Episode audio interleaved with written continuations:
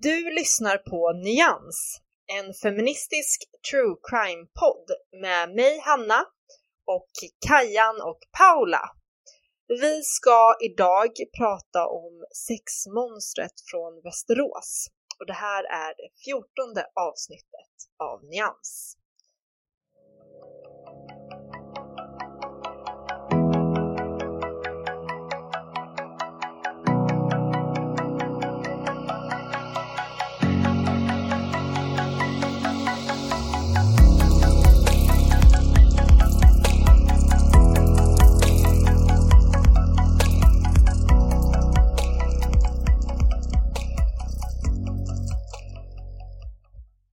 Hej Paula och Kajan! Hej på er! Tjenexan, tjenexan. Jag känner det bara hettar om mina kinder. För att du läste introt? Ja, jag blir så nervös när jag ska läsa introt. Jag helt... Åh nej. Jag, alltid, jag vet ju liksom, jag har koll på när det är dags för min tur. Jag bara, åh nej. Det är, så, det är så skönt när det är er tur. Eh, Ja, det är inte meningen att det ska kännas så. Nej, men jag vet inte. Det är bara för att, vi, för att det var så långt och, och- mycket att läsa och man skulle inte staka sig och sen så började vi eh, få fnissattacker i det. Ja, Men nu får ja. man ju improvisera lite så det Ja. går ju alldeles utmärkt. Ja, Du är så duktig! tack. Ja. Ja, hur, eh, hur mår ni? Ja. Typ Ja. så. Nej, jag ska jag ska inte. Jag känner mig så negativ hela tiden. Eh, nej, jag tyckte att det här var, eh, jag tyckte det var ett väldigt jobbigt avsnitt att förbereda. Jag har inte Mm. mått eh, toppen idag. Det var Mm. eh, tungt. Och det, jag, tycker också att det, jag tycker att det är svårt att säga, för att det är som att man på något vis graderar hur allvarliga olika brott är, liksom, utifrån att man blir väldigt berörd av något. Men det går ju liksom inte riktigt att eh, tänka ut innan hur berörd man ska Nej, nej, jag tycker det är väldigt intressant för att det, något kan ju vara jättehemskt på pappret liksom och sen så känner man läser det så, så påverkas man inte så mycket och sen läser man något helt annat som också är hemskt och påverkas jätte- jättemycket. Men jag tror att det Mm. där är lite också vad man har för dagsform, tror jag spelar in, i alla fall för min del. Ja, Så ibland, ja, är man, ibland är man mer skör liksom. Då, Ja, Ja, men det tror så jag är det ju. Och sen är ju liksom en del, eh, oavsett om det är FUP eller, eller dom eller sådär, är ju så otroligt ingående. Jag menar, jag tyckte Bobby-avsnittet var, eh, det var riktigt, riktigt tufft och, det, och då är det inte så himla konstigt eftersom jag liksom har ett, eh, ett autistiskt barn och det är liksom åldersliknande och sånt där. mm. Så det är inte så konstigt. Men, men det här var så, det är så omfattande så det är så jävla mycket. Så att vanligtvis tycker jag att man kan liksom läsa något riktigt vidrigt och sen får man en liten andpaus och så eh, står det liksom om andra saker. Men här bara kom det liksom en grej efter en annan och det bara, det ena värre än det andra. Mm. Ja, nej, det var, jag håller med, det var riktigt tufft. Men det Jag känns, Alltså, jag tycker lite så var ju, var ju Lotta fallet Ja. också, att det var svårt att få andrum när man skulle läsa för att han gjorde så jävla mycket. Och det var så Ja. mycket skador och liksom hemskt och så här. Då, Ja. ja, men det är någonting i det när man liksom inte får, får andas mellan hemskheterna och det, det är ju som verkligheten, det var så det var. Men Ja. det gör det tuffare att läsa utan att det för någon på något sätt är ett värre fall än de situationerna som ja, där, där det kommer små Ja. Nej, men Ja, jag tycker vi, vi värderar ju inte sakerna på det sättet. Men det jag kände när jag läste det här var att för, någon anledning så kände jag väldigt starkt att så här, det här kunde vara någon, liksom vem som helst egentligen. Att Ja. det är så här, alla kan hamna där. Det, Mm. han, kunde, han kunde liksom ha gett sig på vem som helst. Eh, Mm. Och just den här manipulationen. Eh, det är fruktansvärt obehagligt. Ja. Ja. Det tror jag varit för mig det tuffaste med att sitta och läsa debatten och reaktionerna efteråt. Eh, både en del av de som är nu, men ännu mer från, från 2005 och hans första domar. Att, men att man har liksom använt så himla mycket grejer emot kvinnorna. Mm. Alltså det, liksom så himla mycket Mm. kvinnohat som bara har blossat upp liksom i, på olika sätt för att försvara det han har gjort och så här. Och då är det på ett säkert på ett sätt liksom svårare att försvara honom nu när han åker dit igen för samma typ av brott Ja. Mm. än vad det var första gången. Så att då blir det lite mindre av den varan nu än vad det var då. Ehm, men det, ja, men, ja, det är så, sånt mörker i det. Ja, men en, eh, det kom ju fram en, en bra sak som vi, som vi pratade om efter att sitta och läsa om, ehm, om allt som, eh, som just det här offret har blivit utsatt för. Det är ju att vi har en podd där, där vi går igenom dels svenska rättsfall, eh, men också rättsfall som är ganska så nutida och också där det liksom finns anhöriga och i många fall också offer som, eh, som lever och som eh, potentiellt kan känna saker av att, man, av att man pratar om det de har blivit utsatta för. Kan inte eh, någon av er dra lite det som vi, som vi pratade om innan? Jag tyckte Paula att du sa det så bra, jag håller helt med dig. Så om du känner att du vill berätta så, så gör Mm. gärna det. Alltså vi har ju diskuterat det här fram och tillbaka sen, sen vi startade podden också. Redan Mm. liksom inför första avsnittet, hur ska vi tänka, vad ska vi göra och så. För det finns ju en hel del legitim kritik kring true crime-poddar på, om man säger så, i det stora hela. Att väldigt mycket handlar om att det ska vara underhållning på olika sätt. Att man ska dra igenom fallen och så ska man chockas av detaljer och, och gå in och snaska liksom i vad, vad som har hänt och sådär. Och så finns det liksom ingen analys runt omkring. Och tar Nej. man svenska poddar kring det här så är väl Seriemördarpodden till exempel en av de här liksom riktiga som brukar få ha hundhuvudet när det kommer till att prata om de här sakerna där. Ehm, där de gör liksom, menar, Dan Hörner som har den podden, bland annat liksom så här spelar upp ljudklipp ifrån, alltså där det finns, i vissa fall där det finns släppt då liksom filmer eller ljudklipp från tortyr utav människor. Sådana saker han spelas upp i podden typ. Sant. Ehm, ja, det är sant. helt sjukt. Eh, jag har själv hört ett sånt eh, klipp utav misstag när jag satt i bilen och inte kunde komma åt att byta Nej. till nästa avsnitt. Ehm, och, och där någonstans så slutade jag lyssna på, på just den podden. Ehm, för att ja, men underhållningsvärdet låg liksom i det här, de här vidrigaste, vidrigaste detaljerna. Mm. Och, och det var ju vi ganska så här, liksom överens om från, från allra första början. Alltså att nej, men vi ska aldrig ha med mer detaljer än vad som är absolut nödvändigt för att man ska förstå brottets art och få en bild av vad det handlar om när vi sen går över till att prata juridiken och efterspelen. Ja. Så att fokuset ligger ju där på, på den juridiska biten. Vad är det som händer? Varför döms det som det döms? Eh, hur har rätten resonerat sig fram till de här domarna och hur har debatterna sett ut? Det är det vi liksom främst vill ha fokuset på. Och sen Mm. måste man ju dra händelseförloppen i stora drag i alla fall för att det ska gå att diskutera eh, domstolarna sen. Tänk till exempel på, på allra första avsnittet då den här en, en oordentlig relation till exempel. Mm. Men då, eh, det går ju inte att resonera kring varför domen är så galen när han frias utan att liksom prata lite om all bevisning som fanns. Och vi kan inte prata om all bevisning som fanns utan att delvis prata lite om vad det är den här flickan har blivit utsatt för. Ja, men precis, och även vilken, eh, vilken uppsåtsgrad och vilken allvarlighetsgrad på brott och sånt, eh, för att man ska kunna prata om hur rätten har bedömt där, och vilket ju är vad vi tycker är viktigt, att, att kunna få en förståelse för hur man tänker och resonerar kring det. Då måste, i vissa fall så måste vissa mer eller mindre detaljerade saker vara med, men, men precis som du säger så försöker vi ju verkligen att inte att inte liksom strössla för att ni som lyssnar liksom ska förfasas och att det är det som är härligt på något sätt. För det är ju verkligen inte vad vi, vad vi är om. Nej. Nej. Och sen Och, har vi ju en akt, vi har ju liksom en, en dialog, alltså vi pratar ju om de här grejerna. Ja. Eh, och det är ju från fall till fall där vi Mm. sätt måste göra en bedömning, så här, hur mycket kan vi säga och inte. Ja. Exakt, och vi diskuterar ju också ständigt så här, i vilka fall ska vi hålla eh, alltså så många som möjligt anonyma och i vilka fall ska vi använda riktiga namn. Precis. Alltså, det gjorde, alltså, det kanske man märker man lyssnar bak på sånt där, men som, som jag sa med det här allra första fallet då, då det liksom gäller en minderårig flicka och sådär, då hade vi påhittade namn på alla för att hon inte skulle kunna identifieras. Ja. till exempel. Då.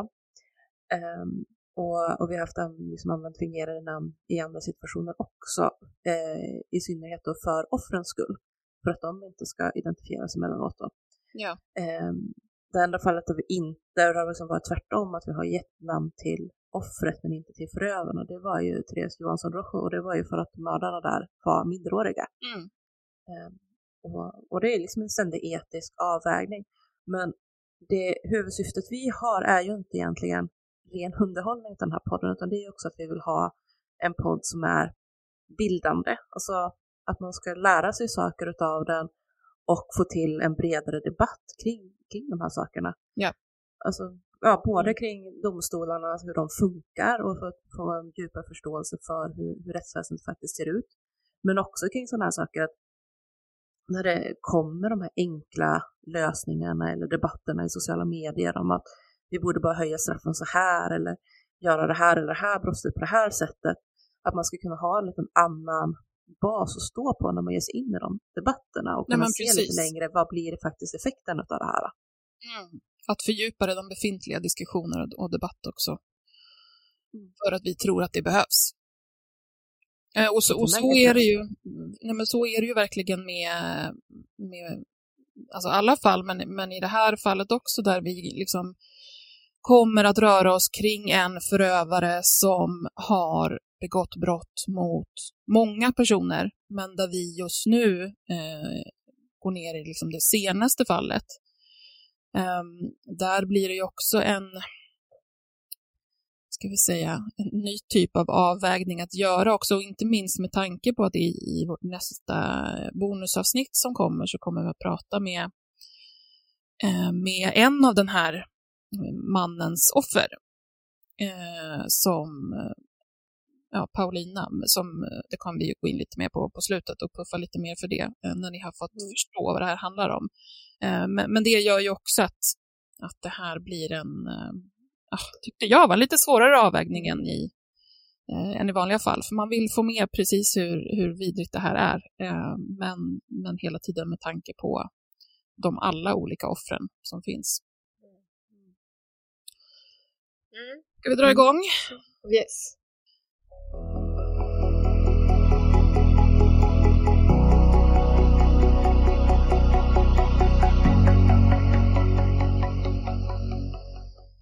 Du lyssnar på Nyans. Eh, offret i det här fallet har ett eh, fingerat namn. Vi kallar henne för Anna. Eh, förövaren däremot Eh, får ni namn på. Eh, han är dömd i flera gånger om. Eh, Janken Donstedt är namnet som han går under nu. Han har eh, bytt namn några gånger. Han hette först Jim Grapenkrans, han har också gått under namnet Jan-Erik Falk. Men i den här eh, domen och i det här fallet så går han som Janken Donstedt. Ehm, Vet inte hur mycket bakgrund jag ska gå in på på honom. Alltså han har Sen 2005 så har han betraktats som en av Sveriges värsta sexförbrytare. Och eh, i februari i år så föll den senaste domen eh, från tingsrätten, den överklagades sen till hovrätten. Eh, men det är långt ifrån första gången som Janken dyker upp i brottsregistret. Om man kikar så finns det en rad olika kontaktförbud, besöksförbud, det här stora målet då 2005 som vi kommer att prata mer om i, i bonusavsnittet. Men det vi ska fokusera på nu är alltså det där eh, dom föll i tingsrätten i februari i år.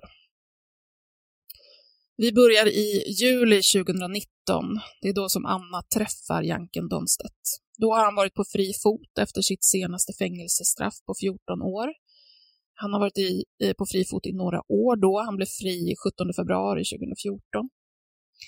När han släpptes fri så larmade kriminalvården om att det fanns en risk att han återigen kan falla tillbaka i brottslighet. Han beskrevs av dem som mycket manipulativ och att han har en exceptionell förmåga att dupera i kombination med en nedsatt empatisk förmåga.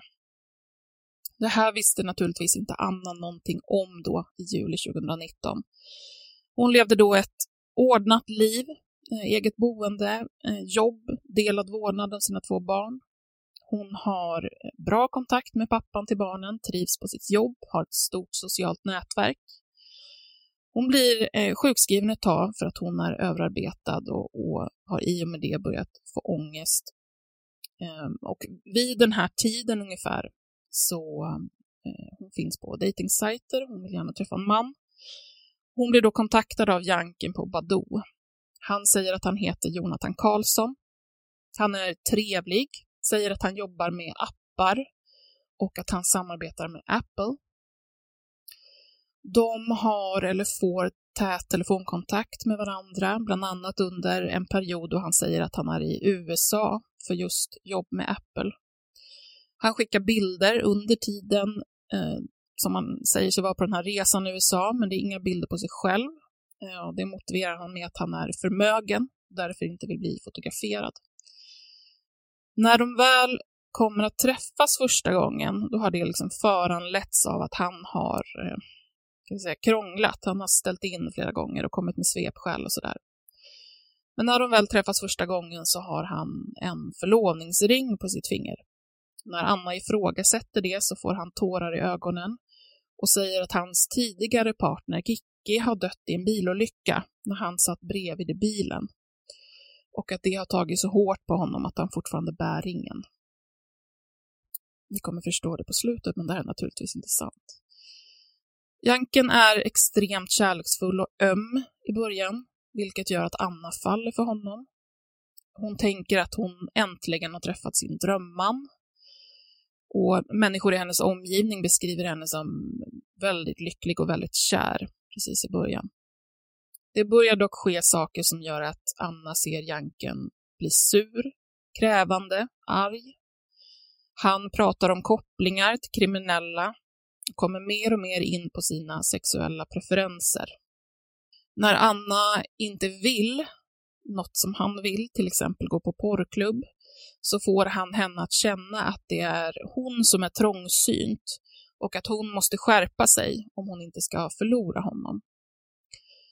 Bit för bit så går han över hennes gränser samtidigt som hon blir mer och mer förvirrad i vad det är som sker och om hon har rätt att säga nej.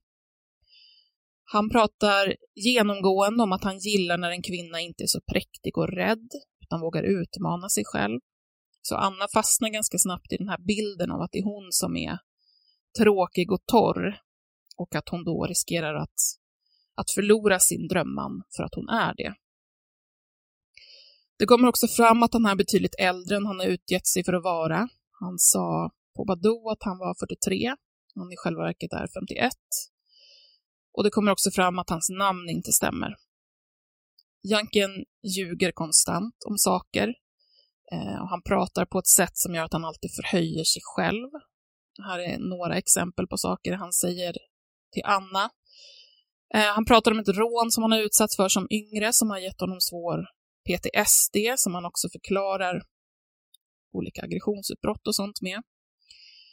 Han säger att han som kustjägare har avväpnat poliser, att han har sjungit i ett band som kommit tvåa i rock-SM på 1980-talet, att han har arbetat som fastighetsskötare och snabbt blivit chef för en hel arbetsgrupp och när han slutade en anställning sa han upp sig på dagen, även om han hade uppsägningstid och ingen vågade sätta sig emot honom. Det är mycket sånt här. Han pratar också om att han har en, en morbror som är väldigt rik och att Janken är inskriven i hans testamente och så. Så bit för bit bryts Anna alltså ner. En dag så kommer han upp bakom henne när de står på balkongen och han stryper henne så att det svartnar för ögonen och hon trillar ner på golvet. Efteråt så säger han till henne att det gör honom så gott att få göra så mot henne och överöser henne med kärleksbedyrelser. Vid ett tillfälle när de har sex så stegrar han våldet. Han säger grovt nedvärderande saker och han stryper henne samtidigt som han våldtar henne. Och här vill jag också slänga in att de olika formuleringar som jag använder nu och vi även använder sen när vi pratar om den här sexuella kontakten, alltså de här olika tillfällena, det är taget från domen. Eh, vi är ju fullt medvetna om och tycker också att sex utan samtycke är, är våldtäkt och det är vad, vad Anna får utstå. Men det finns också en poäng i att uttrycka sig så som det står i domen så att vi har det att diskutera från sen så att det inte blir några, några eh, missuppfattningar i, i eh, vilka brott det är som gäller och så. Janken pratar om att släcka Anna och att han äger henne. Det här släckandet handlar om att eh, hon tuppar av när han stryper. Efteråt så är han kärleksfull och säger att det faktum att hon lät honom strypa henne tills hon tuppade av visar att hon litar på honom och hur fint det är, hur speciell deras relation är på grund av det. När Janken flyttar in hos henne i mitten av september samma år som de träffades så vittnar hennes omgivning om hur hon förändras radikalt. Den tidigare glada, utåtriktade och sociala Anna drog sig nu undan mer och mer samtidigt som hon blev fåordig och dämpad alla relationer, inklusive de med hennes barn, påverkas till det sämre och vissa upphör helt. Anna slutar att prata skånska för att Janken inte gillar det. Så hon eh, börjar prata stockholmska.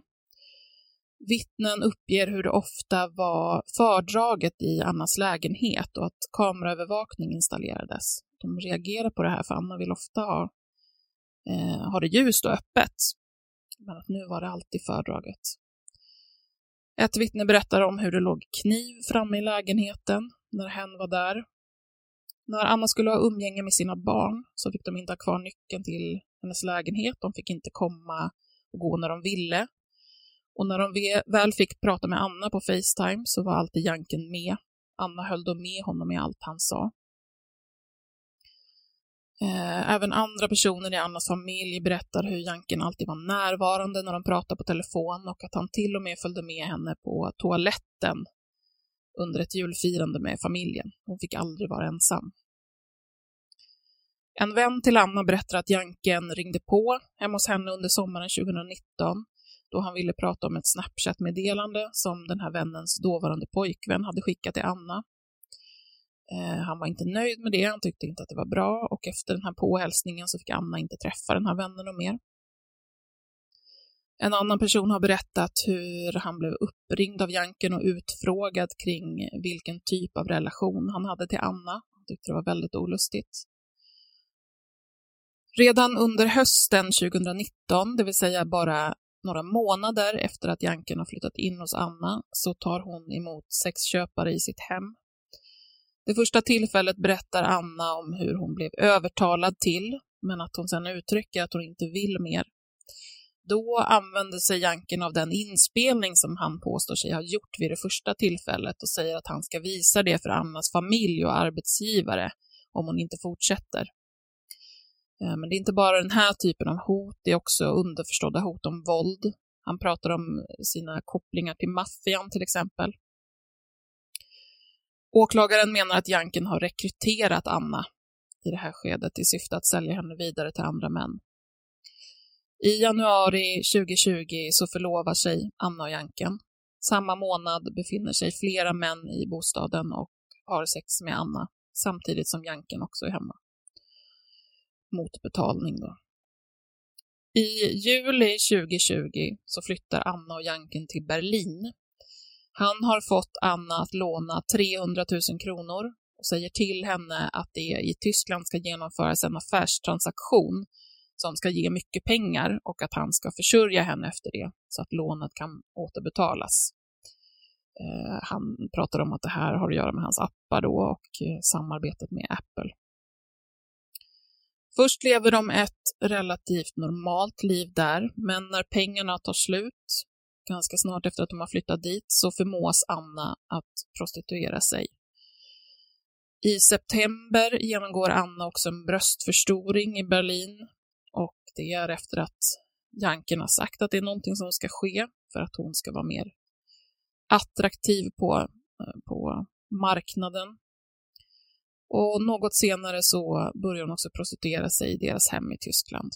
Hon registreras som sexarbetare där i november 2020. På grund av corona så förbjuds prostitution i Tyskland under en period och då har Anna och Janken spelat in sex filmer som sen såldes av Janken på nätet. Det råder inga som helst tvivel om att det är Janken som har orkestrerat allt det här. Det är han som har tillgång till kontot som betalningarna från torskarna kommer in på. Han har administrerat annonsering på nätet, utformat eh, annonser, angett priser, tagit bilder på Anna och lagt upp.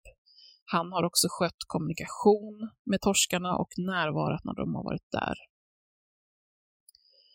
Både Janken och Anna säger till människor i Annas närhet att inte lägga sig i och låta dem vara och leva sina liv.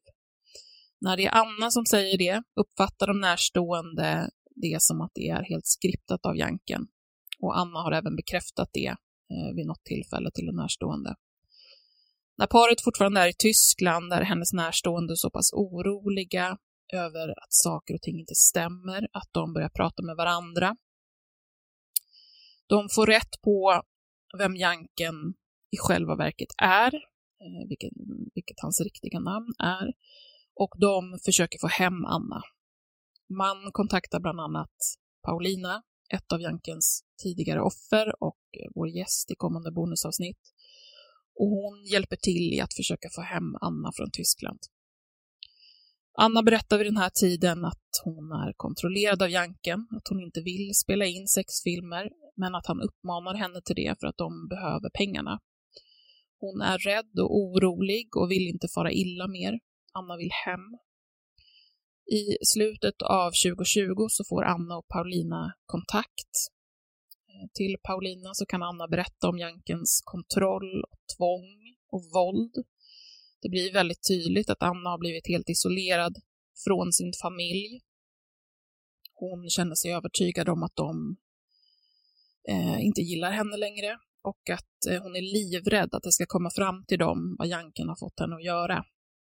Hon känner sig tvingad att göra filmer för att få in pengar.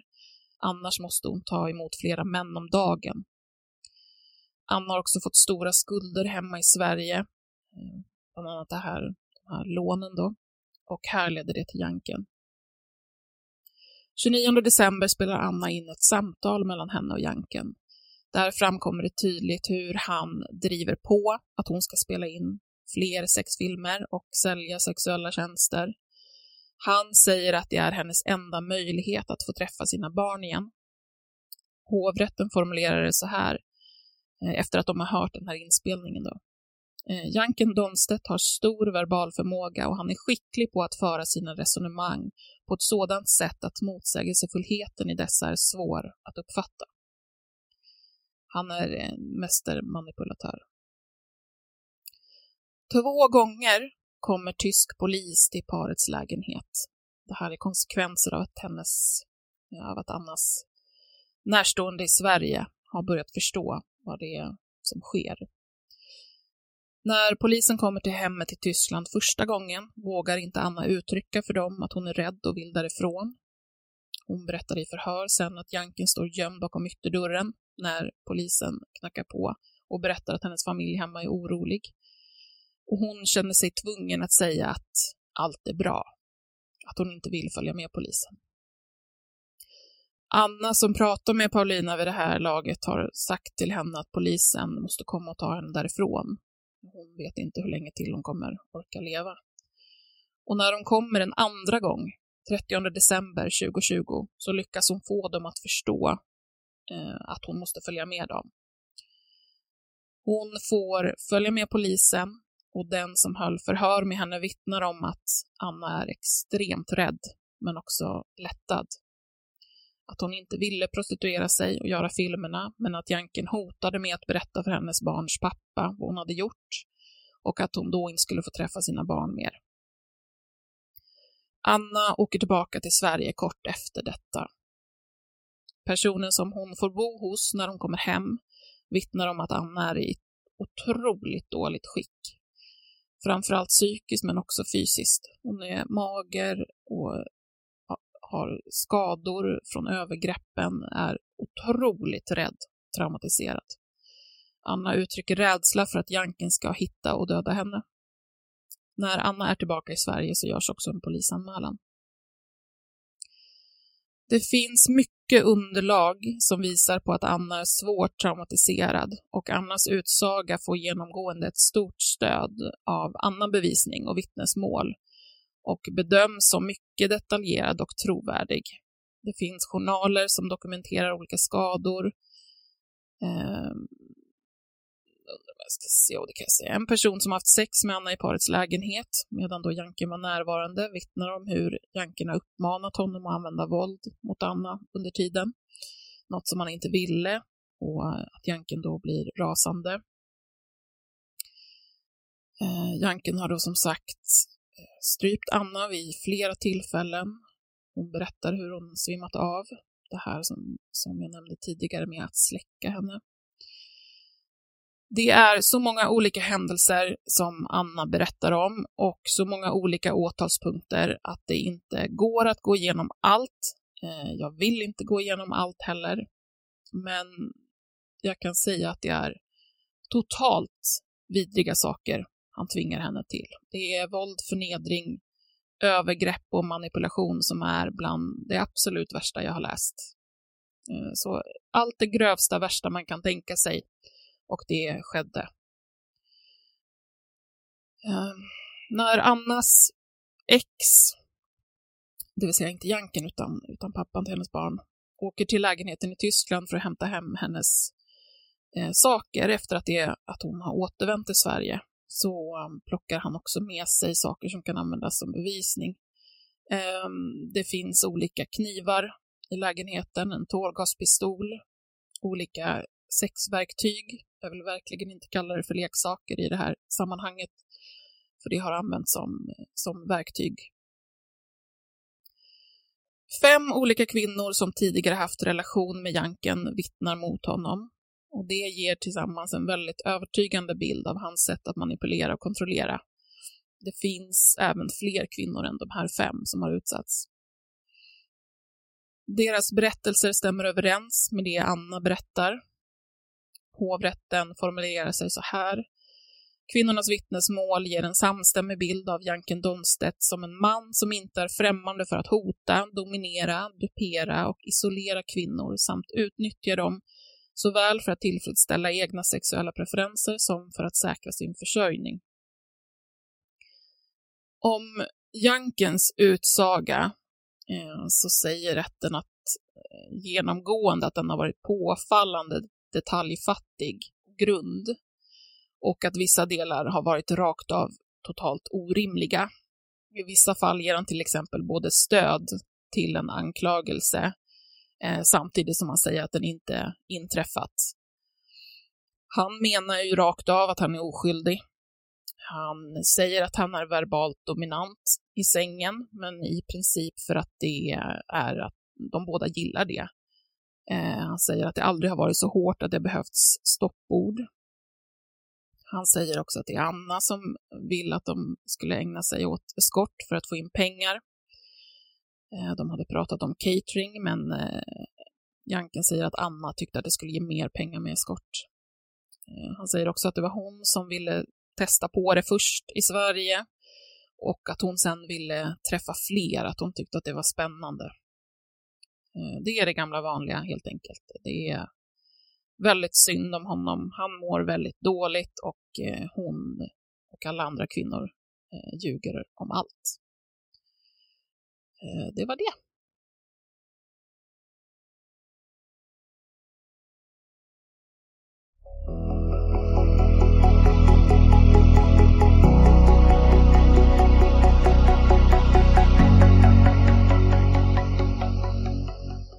Här är Nyans. Så, eh, tack Kajan för genomgången. Jag ska gå igenom vad eh, tingsrätten och hovrätten eh, säger om det här.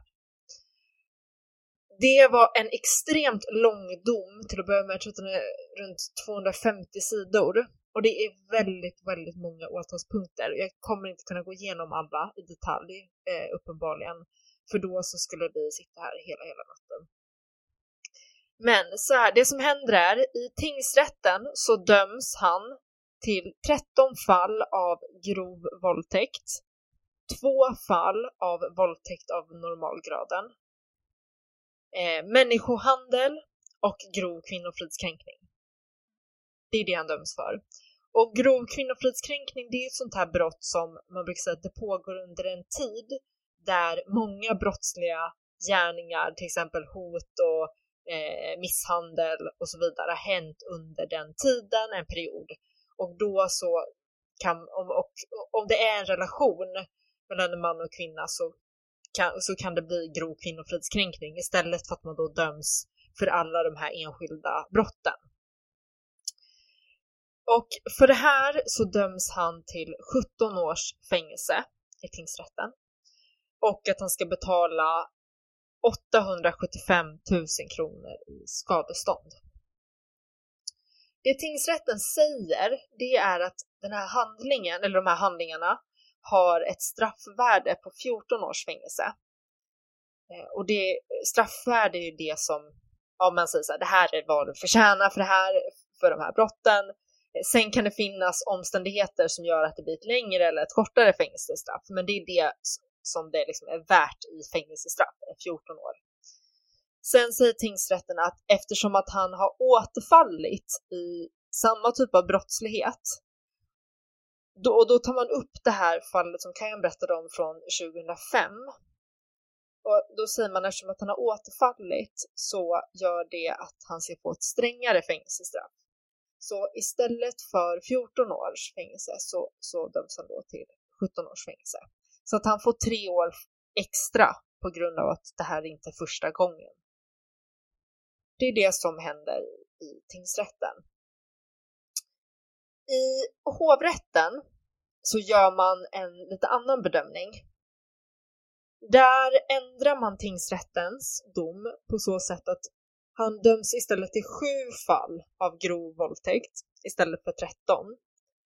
Och flera av de här grova våldtäkterna bedöms istället som våldtäkt av normalgraden så att man gör en, en annan rubricering av händelsen. Man går inte in och säger att det här har inte hänt utan det man säger är att de här då eh, övriga fallen inte är, ska, ska rubriceras som grovt utan eh, liksom vanlig våldtäkt. Eh, och han döms då istället för två fall av våldtäkt eh, så döms han till sju fall av våldtäkt. Så det är sju fall av grov våldtäkt, sju fall av våldtäkt och sen döms han också till ett fall av sexuellt övergrepp. Eh, så att det är ett, ett av de här, en av de här våldtäkterna säger hovrätten att det är inte, det är inte en våldtäkt utan det är ett sexuellt övergrepp. Sen så döms han också för grov kvinnofridskränkning och människohandel och koppleri. Och angående människohandeln så säger man att det har inte pågått under lika lång tid som, som han döms för i tingsrätten utan, utan det är en mer begränsad tid. Men utöver det så döms han då för koppleri för en, liksom den tiden som han inte döms för, eller som han dömdes för i tingsrätten. Eh, och under den grova kvinnofridskränkningen så är det flera av delarna, eller liksom brottsligheten som går in under det, är det delvis säger man att det är inte lika, lika många. Eh, så att exempelvis så, jag tror det var ett ofredande, vänta nu ska vi se. Ehm.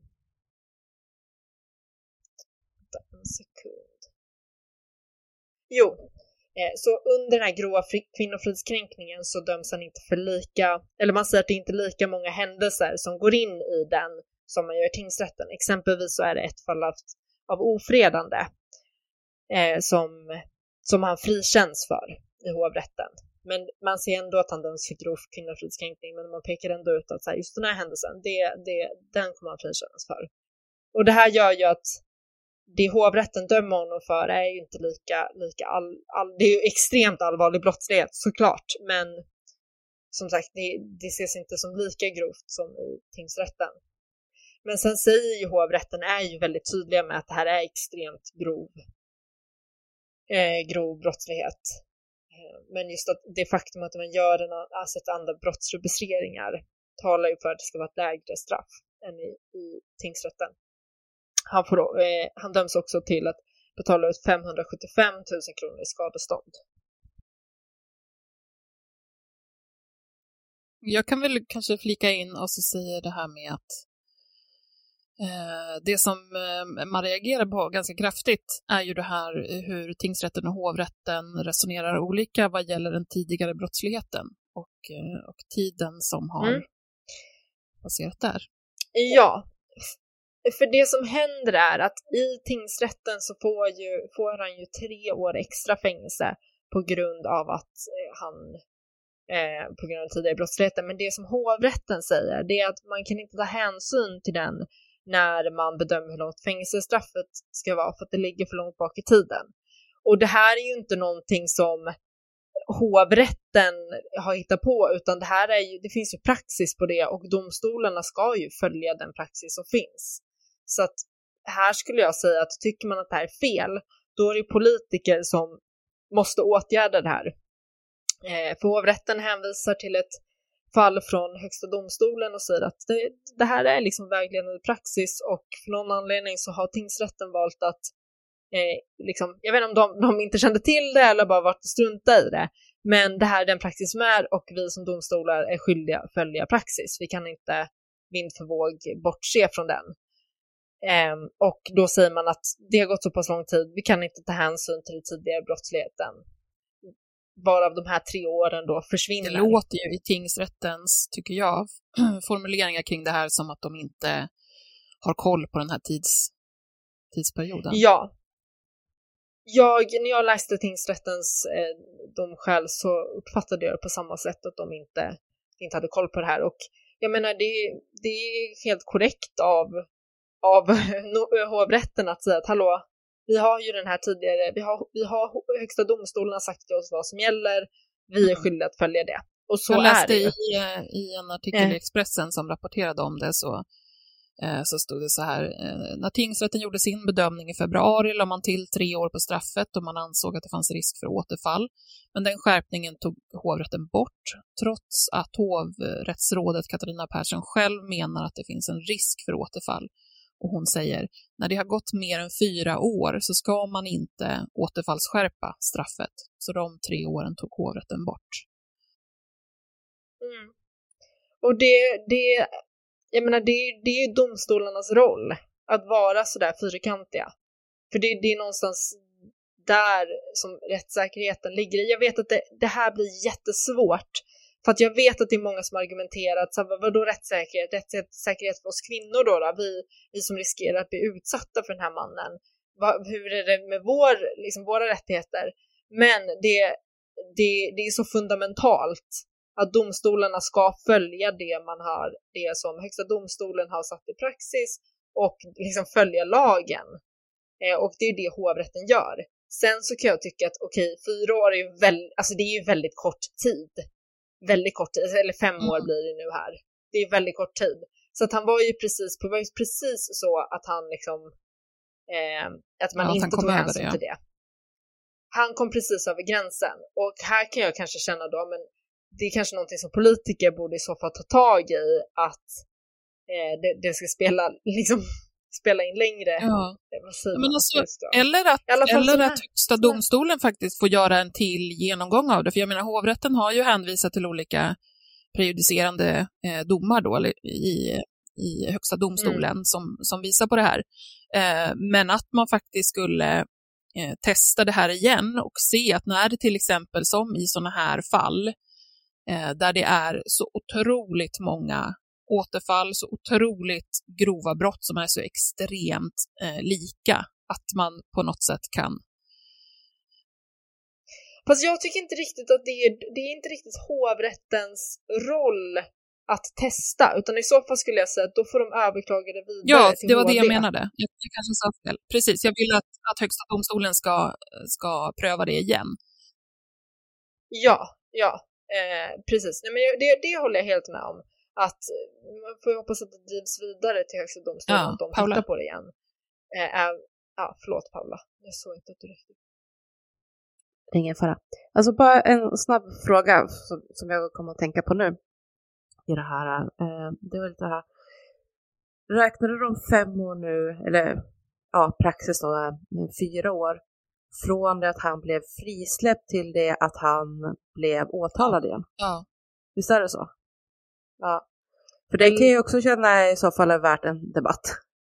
Ja, eller är det från att brottet begicks? Nej, det är det. Det var från att han, att han blev åtalad? Um, alltså de här fyra, fyra åren från att han eh, frigavs och så till, ja, Alltså jag Ja, tänker till återfall i den nya brottsligheten, eller för, för den här frigavs 2014, eller hur? Ja. Ja. 14, 15, 16, 17, 18, 19. Alltså han är precis på gränsen. Ja. Ja, Det är precis att det Precis, har men gått då, ja, fem men år. precis, då är det så, förlåt. Då är det från att han frigavs tills att eh, brotten begås. Ja, tills han be- begås, Ja. ny, till han Mm. begår nya brott. Eh, Ja, så. Ja, men det, det är i alla fall det är vad som händer och därför tas de här tre åren bort. Så att, men då är vi ju fortfarande på att, ja men om ska man gå på tingsrättens linje så skulle det bli 14 års fängelse åtminstone. Och det är ju, om jag inte minns fel nu så var det i den tidigare brottsligheten från 2005, då dömdes han till 14 års fängelse. Eh, ja. Men då, och, men då är frågan, vad, vad gör hovrätten nu? Jo, hovrätten lyfter ett rättsfall från Högsta domstolen igen eh, och som de menar på är då prejudicerande och ska följas. Liksom. Och det, det var ett fall eh, där en person dömdes för hundra fall av grov våldtäkt mot barn. Och då dömdes den personen till 12 års fängelse. Eh, och de säger bara rent upp och ner bara, här har vi det här fallet, i det fallet blir det 12 års fängelse och eh, då landar vi på 11 år här Mm. de, de säger inte mer än det. Det är bara att okej, Mm. det blev 11 år. Jag ser inte, alltså hade jag varit hovrätten så men han blev ju dömd tidigare till för liknande brottslighet i 14 Ja. år. Jag hade nog varit lite mer vågad och bara kört Ja. på 14 år. Men det gjorde de inte utan det blev 11 år. Mm. Det, det var det om Mm. straffet. Sen så kan man väl säga lite mer om själva, själva bedömningarna i domen. Och eh, det, både i tingsrätten och hovrätten så bedömer man att eh, Anna är eh, helt trovärdig och man utgår från hennes uppgifter. Och hon, eh, det, liksom, det finns inga tvivel utan det är i princip allt hon berättar kör man på. Jag tyckte generellt att alltså det, det är, jag tycker om förutom då värderingen av straffet så tycker jag ändå att både hovrätten och tingsrätten formulerar sig på ganska bra sätt. Ehm, just det här med när det är så mycket manipulation Ja. så kan jag ibland uppleva att inte domstolarna fattar hur stark kraft det finns i liksom det manipulativa. Men jag tycker ändå att hovrätten och tingsrätten tar Mm. in det. Att hon, att, jag menar, de, de formulerar sig rätt bra. ett enda ställe Men- tror jag i, i hovrättsdomen där jag reagerade lite på att man var så att hon hade kunnat eh, eh, lämna eller ta sig ur. Så. Um, Mm, mm. Men Ja, generellt håller tycker jag ändå att eh, det, det är rätt bra nivå. Jag, jag, jag kan ändå tycka att det är viktigt att lyfta att så här, jo men de, ibland så fattar domstolarna fattar visst, nej inte alltid, men Mm. ibland så gör de det i alla fall. Eh, och här var ett sånt, sånt fall. Sen så eh, kan man väl säga, jag försökte få något, få grepp på varför man gjorde så annorlunda rubriceringar i flera fall av grov våldtäkt, så att det var våldtäkt och eh, där gav de hovrätten gav mig inte Nej. mycket. Utan där säger man bara att det här och det här har hänt, det ska ses som våldtäkt, det är inte en grov våldtäkt. Och så går man Mm. vidare.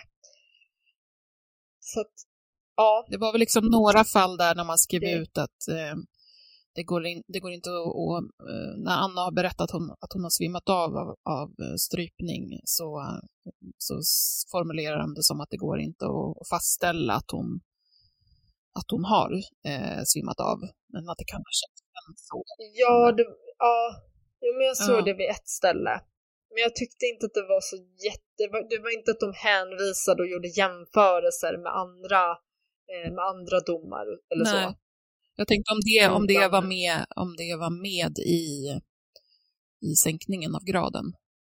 Jag ska ta upp. Jag måste bara kolla exakt formuleringen här. Men det är som sagt en... Alltså det är framförallt tingsrättsdomen som är saftig. Eh, som 17. Mm. Medan du letar kanske jag kan säga bara lite eh, som jag tyckte var intressant. Eh, man får ett Eh, utlåtande från en psykolog och en psykoterapeut på eh, Karolinska Universitetssjukhuset. Eh, hon har då gått igenom Annas skriftliga förhörsutsagor, men inte träffat Anna personligen. Och då får hon ska vi säga, spekulera utifrån sin profession kring eventuella diagnoser eller så för, för Janken. Och eh, hon säger ju då att underlaget skulle kunna ligga till grund för misstanke om att Janken Donstedt lider av sexuella avvikelser i form av sexuell sadism och tvångsmässig sexuell beteendestörning samt en avvikelse i form av antisociala drag med bristande empati. Men, men, eh, men det sägs ju också att en diagnos förutsätter att man träffar den berörda personen. Men jag tycker ändå att det är ganska intressant med de här, jag har inte jättebra koll på dem. Eh, sexuell sadism till exempel betyder att man går igång sexuellt på andras lidande och smärta. Tvångsmässig sexuell beteendestörning är när sexuella handlingar och fantasier tar så stort utrymme av en persons liv att det sker på, på bekostnad av annat. Selling a little or a lot? Shopify helps you do your thing however you cha-ching. Shopify is the global commerce platform that helps you sell at every stage of your business. From the launch your online shop stage to the first real life store stage, all the way to the did we just hit a million orders stage. Shopify is there to help you grow. Shopify helps you turn browsers into buyers with the internet's best converting checkout. 36% better on average compared to other leading commerce platforms because businesses that grow grow with Shopify. Get a $1 per month trial period at shopify.com slash work. Shopify.com slash work. Eh, det står också att sexuella avvikelser kan eh, behandlas genom eh, KBT, kognitiv beteendeterapi, i kombination med antitestosteronbehandling eller antidepressiv behandling. Men man vet ganska lite om återfallsrisker när det kommer till, till behandling, men man har sett i metastudier att, att sexuell upptagenhet är en riskfaktor för återfall, även vid behandling. Ja. Okej, jag var inte mutad. Jag trodde att jag var mutad. Nej, men eh, jag kollade på det här igen eh, kring det här eh, rubriceringen och det här med att han släckte ja. henne. Det hovrätten säger vid ett tillfälle är just det här att de, det, är inte bevisat, vi, vi pratar om en specifik tillfälle att det inte bevisat att eh, hon blev medvetslös mm. till form av det här strypgreppet. Eh, men i det, i den, vid det tillfället så döms han okay. för grov våldtäkt. Det är ett av de tillfällena. Så det är inte en hör det inte till? Som jag uppfattar det för. Nej, Nej. det jag uppfattar inte hör till. Nej. Eh, det är inte helt, helt tydligt. De går inte in, de lägger inte ner jättemycket kraft i att förklara varför de rubricerar Nej. annorlunda.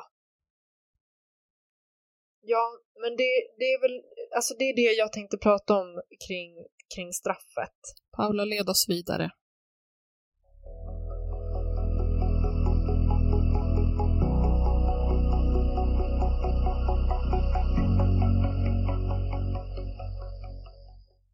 Det här är nyans. Måste jag? Mm, snälla. snälla. Need you.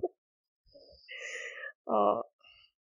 Um, ja, men det, det har lyckligtvis varit lite, lite lättare att följa eh, debatten som har varit efteråt när det kommer till det här fallet versus när vi ska prata om hans tidigare brott i, i bonusavsnittet sen med Paulina. Ja. Um, men det, det som har varit absolut främsta reaktionen kring, kring det hela, det är ju liksom det här med eh, hur snäv tidsram som har satts nu som eh, vägledande för när tidigare brottslighet ska räknas eller inte. Att det liksom är liksom lite konstigt om man satt ja men ja, har de återfallit efter fyra år så ska man inte räkna in det längre. Samtidigt som man tittar på återfallsrisk för att bedöma liksom hur väl en behandling har funkat och sådana här saker. Då tittar man ju på ett, tre, fem och tio årsperioder. Och så kommer man här och bara, nej men efter fyra så är det inte relevant längre. Mm. What? Eh, och fyra år är liksom, alltså på det stora hela så är ju det ingenting. Beroende på, vad sa du, han fick 14 år första gången. Ja. Kom ut 17 februari 2014. Mm, precis. Och då hade ju han egentligen fyra, fyra nästan fyra, ja, drygt fyra och ett halvt år kvar av sin dom. Mm. Eh, som han skulle sitta då, som var villkorligt. Så att han återföll ju i brott innan hans villkorliga dom var slut. Eh, näst, nästan. Det var ju där det blev, vi sa det här, att det tog fem år ungefär mellan. Att det var liksom precis sådär att så Mm. fort han inte längre var villkorligt frigiven så återföll han i brott. Mm. Och det kan kännas som så att, men räkna från det då. Alltså varför ska vi räkna ifrån när han släpptes ut ur fängelset?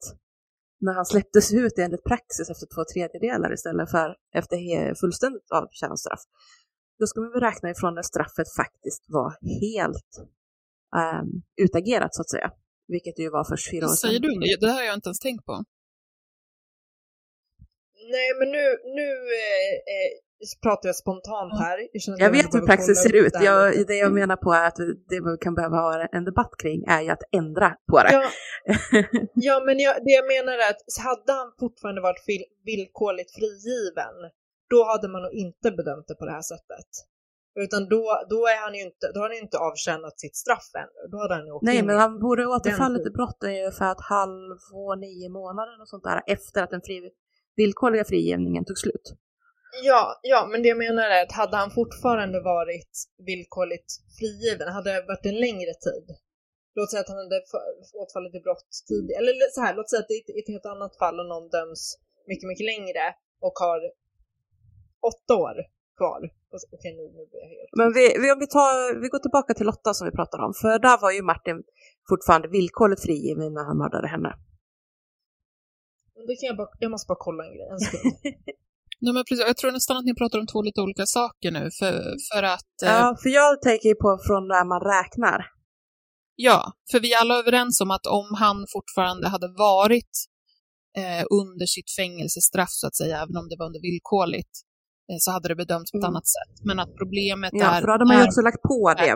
Då hade man ju lagt på det per automatik. Alltså, Ja. säg att han hade haft två år kvar eh, av sin villkorliga frigivning när han åkte fast för det här. Då ja, hade man ju lagt på de två åren på domen. ja. Eh, Och att din poäng är att, att man ska inte börja räkna från när man kommer ut från fängelset, alltså det vill säga bokstavligt traskar ut därifrån, utan från när straffet anses vara avklarat.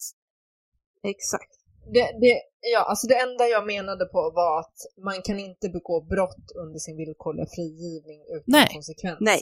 Och jag menar som, Att som det verkar den- vara nu, då har de ju räknat att han vart ju dömd 2015, vilket betyder att hans då 14-åriga dom var klar 2019. Och de här brotten som han blev dömd för nu började 2019. Alltså börjar han med ny brottslighet samma år som den 14-åriga domen tog slut. Men man räknar inte det, utan man räknar från när han gick ut från fängelset, vilket blev alltså nästan fem år tidigare. Och därför så säger man att då spelar inte den brottsligheten in. Och det jag menar är att det, det är en jätteknepig praxis att man säger att men nu har han fått gått ut ur fängelset och så länge han inte på, begår något brott, så länge den villkorliga domen fortfarande gäller, så ska vi inte räkna det som ett återfall. Att han sen börjar begå brott typ ett halvår efter att den villkorliga domen också är avklarad, Mm. då tänker jag så här, men det var ju där det liksom hans dom egentligen tog slut. Och det borde vara därifrån man egentligen ska räkna det här, att nu ska det gå fyra år utan att han begår brott. För att man ska Ja. börja sluta räkna på det för att försvåra det vid bedömning för nästa brott. Ja. Hängde du med Hanna? Jag hängde med. Eh, jag funderar lite bara på hur man egentligen räknar. Jag har inte läst hov, eller Högsta domstolens dom nej, nu kan ju jag bara gå på vad hovrätten sa eftersom de sa att, att utifrån hovrätten, eller Högsta domstolens praxis som, som de har satt, så skulle man vänta på, ja, hade det gått mer än fyra år så fick man inte räkna det längre. Uh, och det är ju omöjligt att det har gått mer än fyra år från att domen tog slut om han dömdes till 14 års fängelse 2005 och han började begå brott 2019, det vill säga 14 år efter den domen. Mm. Det måste vara från när han är på fri fot som man räknar. Exakt, det går inte att få in de där fyra åren annat än då att han eh, magiskt hoppade fram och tillbaka i tiden då så att de här brotten egentligen då skedde, ja vad blir det, 2023 som tidigast.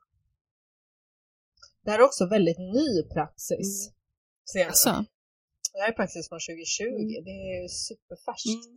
Så det är därför jag känner, så, nu vet jag ju att de har ju överklagat den här domen till Högsta domstolen mm. för att faktiskt titta på just den här praxisgrejen tror jag med, med hur lång tid det ska gå. Och jag misstänker att det kanske har med det här att göra, att man liksom ifrågasätter det här att de säger de här att det måste ha gått ja, mindre än fyra år från senaste domslut liksom till, eller vad, i frihet utan brott. Um, att man liksom säkert vill ha något förtydligande i det här att ska det verkligen räknas? Mm. Bara för att när det hade liksom, han ändå hade en villkorlig dom där eh, och ju därmed inte var eh, en 100% fri människa. Mm. Så vi får se. Det kan ju bli förtydligande i det här. Det borde men ju, jag kan ju tycka att det är konstigt. Ja, det borde ju verkligen det, för att det är inte på samma premisser att gå på en villkorlig dom och begå brott eh, som när du gör det efter avtjäna straff. Och det är naturligtvis att, att förövare både vet om och kan liksom ta hänsyn till det. Eh, så det, det, känns väldigt konstigt att, att praxis skulle anpassa sig efter det då. Mm. Det, det då jag känner också att för det är ju det, hade han då börjat lite tidigare, bara lite, lite tidigare typ, då hade han ju fortfarande varit, även om det hade varit en månad kvar utav den eh, villkorliga frigivningen, så hade det fortfarande varit tillräckligt för ett straffskärpande. Ja. Men att han nu väntar så ska man plötsligt säga att nej, men då är det lugnt. Ja. Det blir, eh, för mig blir det lite error i huvudet, jag får inte ihop den eh, uträkningen men, som eh, hovrätten har gjort. Och det här är ett sånt tydligt fall av där man kan säga att man Eh, eller tycker jag i alla fall, att hovrätten har utifrån eh, rådande praxis eh, gjort en korrekt liksom, bedömning av det, men att rådande praxis i så fall är fel och att det är någonting som, som HD eh, borde titta på. Ja, jag kan väl tänka rent spontant också i och med det du var inne på också, Hanna, med eh, eh bedömningen av det förra straffet på, för ett eh, ska vi säga, väldigt liknande brott som hamnade på 14 år. Att det, att det skulle ligga på 14 år och sen så plus de här eh, tre åren, precis som tingsrätten utfärdade. Ja. Men då är det, som, det är inte som att eh, hovrätten har, har gjort fel i det då, eftersom att det är den praxis som ligger. Men, men det borde man kanske se över. Ja, alltså så här, det som är är ju att jag förstår ju på ett sätt att de sänker straffet från 14 år eftersom att de gör eh, en annan brottsrubricering på flera ja. av, eh, på, på, fler, på är det sju, sju av de grova våldtäkterna mm. säger att det är våldtäkt av normalgraden. Mm. Så det blir väldigt konstigt också att säga att okej, okay, det ska dömas, straffet ska vara lika hårt som om det hade varit grova våldtäkter fast vi mm. bedömer dem som inte grova. Ja. Förstår ni vad jag menar? Att jag kan fatta att de ändå sänker det. Sen så nu, nu försöker jag liksom förstå hovrätten Eh, det betyder inte att jag personligen tycker nej, att det här är rätt. Eh, gud, varför är det så svårt att hitta ett rättsfall? Alltså, oh my god. Nej, men alltså det är som sagt som, eh, som jag var inne på alldeles nyss, så kan man ju tycka att de har vad gäller det här eh, pålägget då, eller borttagandet av pålägget, att de har eh, dömt liksom korrekt utifrån hur, hur det ser ut. Men, men att, eh, att hur det ser ut är någonting som är, eh, inte känns, precis som eh, med Paulas argument, att det inte känns eh, rimligt. Jag försöker bara se om jag kan hitta någon bra form, hur de formulerar hittat rättsfallet. Eh, jag kan ju läsa så länge att hovrätten formulerar det som så här Normalt gäller att tidigare brottslighet inte tillmäts någon betydelse alls om nu ska vi se om det är hovrätten eller tingsrätten som säger. Ja, det visar sig. Normalt gäller att tidigare brottslighet inte tillmäts någon betydelse alls om den ligger så långt tillbaka i tiden som fyra år eller mer. Med hänsyn till den tid som har förflutit efter frigivningen saknas det förutsättningar för att vid straffmätningen beakta Janken Donstedts tidigare brottslighet. Hovrätten alltså. Mm. Och där säger om det från frigivningen. Vilket gör att de räknar ju inte hans fullständiga straff. Nej, just det. Det står det ju rakt ut. Mm. Mm. Så de räknar liksom inte in att... Eh, så de tar inte hänsyn till det faktum att de väldigt, väldigt mycket förövare eh, utav de som ändå är återfallsförövare brukar ha en tendens att hålla sig i skinnet under tiden som de eh, har villkorlig dom.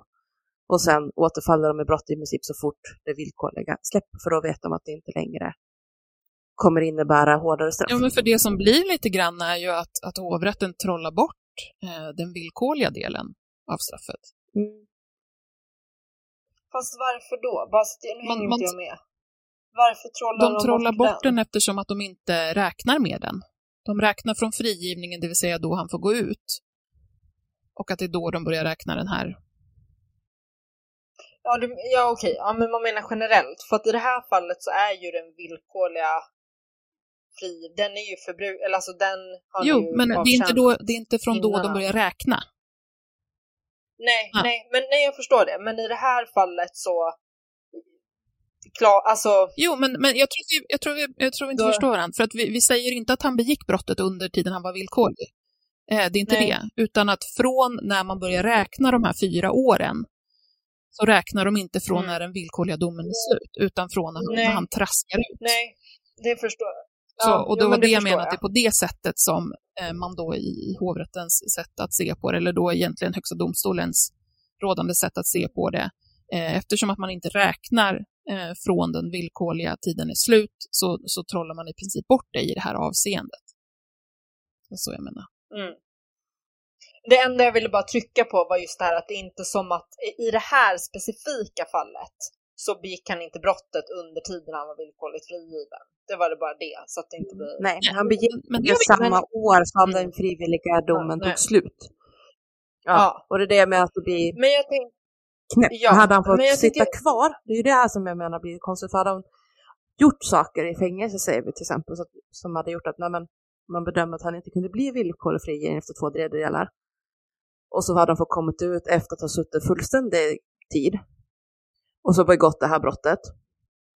Då hade ju hans tidigare brottslighet räknats. Ja. Ja, ja. då hade det ja, inte gått exakt, fyra år från att han blev frigiven. Nej. Men nu för att han Nej. hade skött sig tillräckligt bra i fängelset och blev villkorligt frigiven så räknas plötsligt inte hans tidigare brottslighet trots att det är nästan identiskt med vad han döms för igen nu då. Mm. För att det hinner gå ja, typ sex månader från att domen slutar gälla till att han eh, har hittat ett nytt offer. Mm, mm. Alltså det är ju jättekort tid. Fyra år är ju jättekort. Eh, det, det tror jag vi alla är överens om att så, så bör det inte vara. Jag tänkte att jag ska läsa det som Högsta domstolen säger och det som ligger till grund för, för det här beslutet.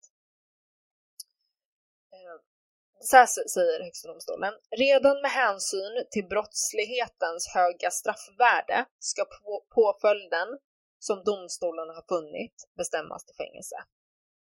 JJ, alltså personen som står åtalad, har flera gånger tidigare dömts för våldsbrott. Hans tidigare brottslighet kan inte ges någon betydelse på, för påföljdsvalet eftersom det finns en presumtion för fängelse redan med hänsyn till det höga straffvärdet. Återfallet kan i detta fall inte heller beaktas genom förverkande av villkorlig medgiven frihet. Den nu aktuella brottsligheten är likartad JJs tidigare, eh, likartad JJs tidigare brottslighet och i båda fallen förekommer brott som är särskilt allvarliga. Sett till den tid som han har varit i frihet har återfallen kommit förhållandevis snabbt. Det finns därför flera skäl till att i skärpande riktning beakta JIs tidigare brottslighet vid bestämmande av fängelsestraffets längd med stöd av 29 kapitlet 4 paragrafen brottsbalken. Straffet bör till följd av detta bestämmas till fängelse i sex år. Ja, men då är det ett helt annat fall alltså. Känner Ja, men det, det är det här som är prejudikatet. Jo, men det, jag bara så att vi tydliggör att det, det du läste upp nu rör ett annat. Ja, ja. ja. Ja, det här är, ja, det här är ett helt annat fall. ja och, precis. Och där var, Det är det som, det är det som hovrätten hänvisar till. precis, och där var ju prejudikatet att det hade gått eh, kort tid. Mm. Men alltså det här, jag känner att det här nästan... Alltså jag får inte ihop hur, det- hur hovrätten kan peka Nej, på det men- här fallet och säga att det är prejudicerande för Janken. Nej, och...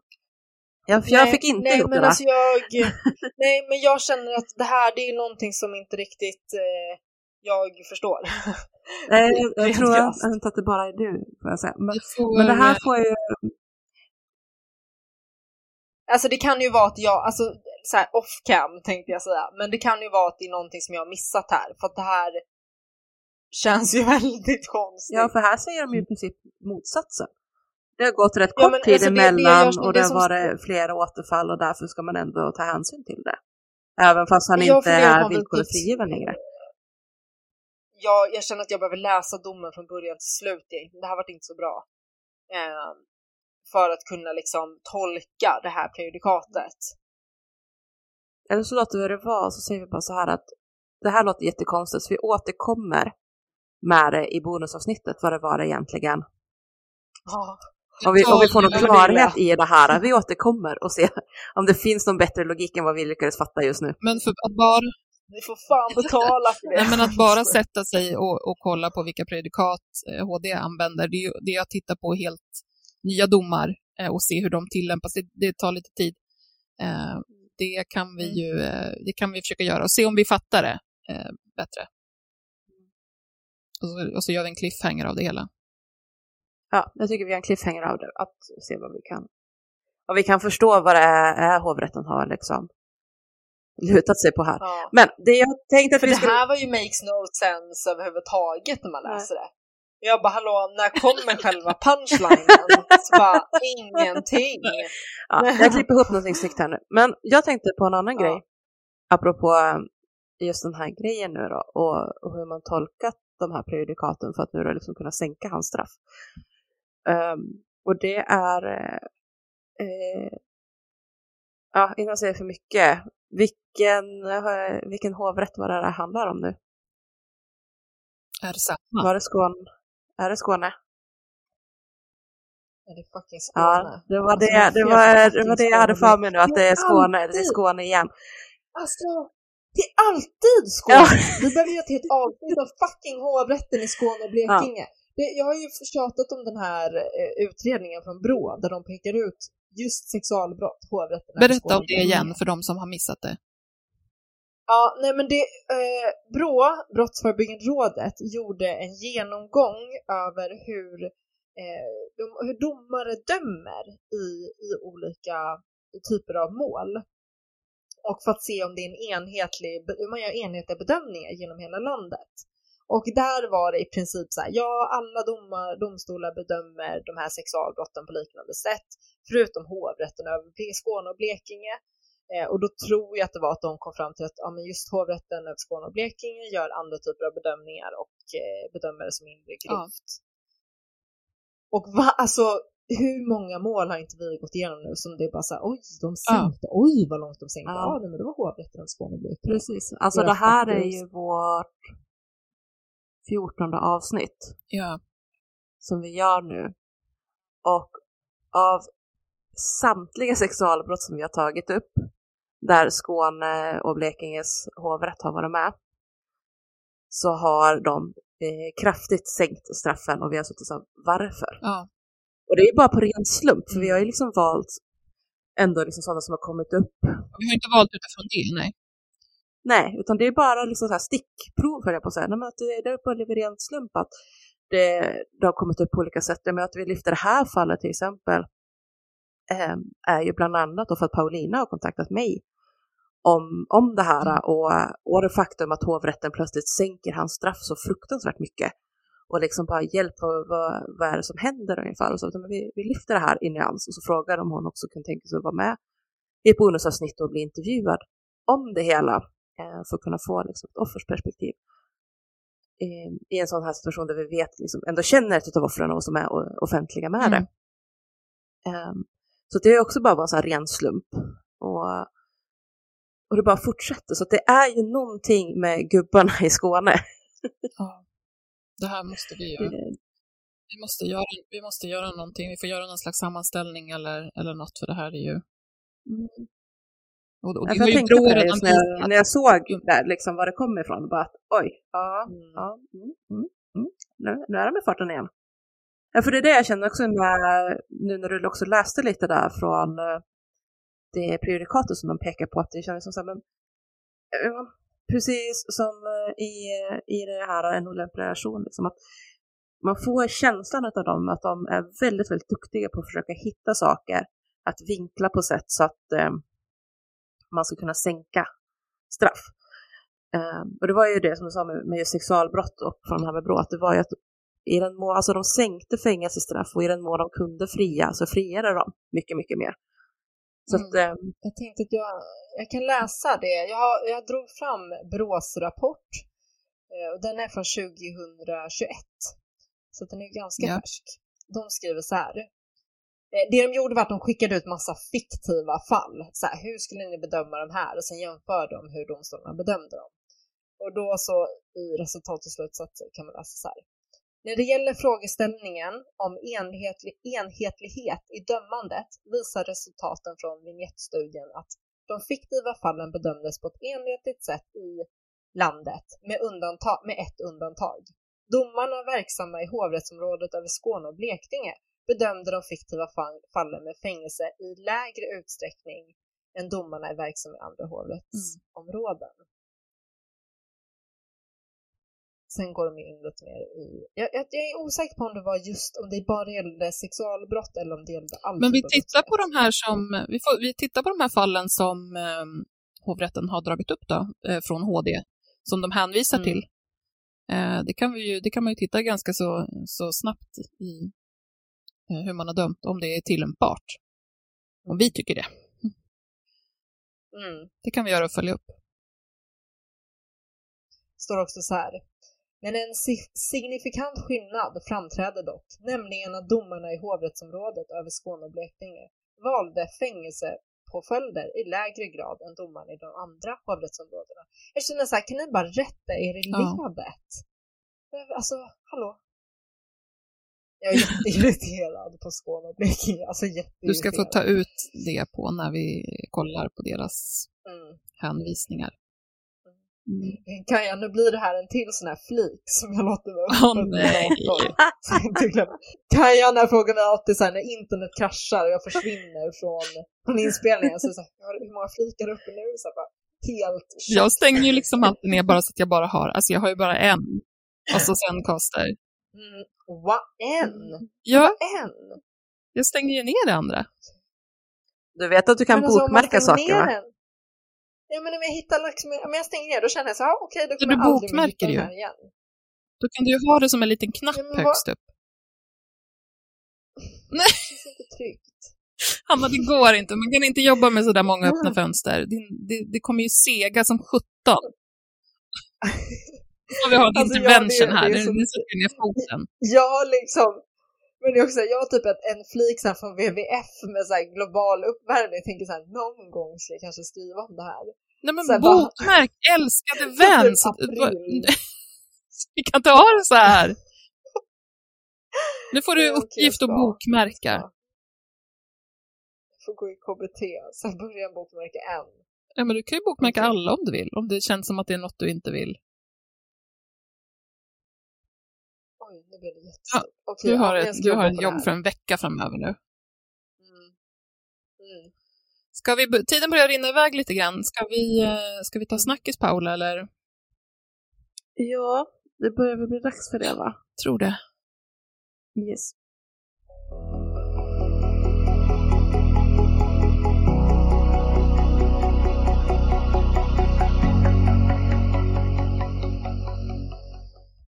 Nyans.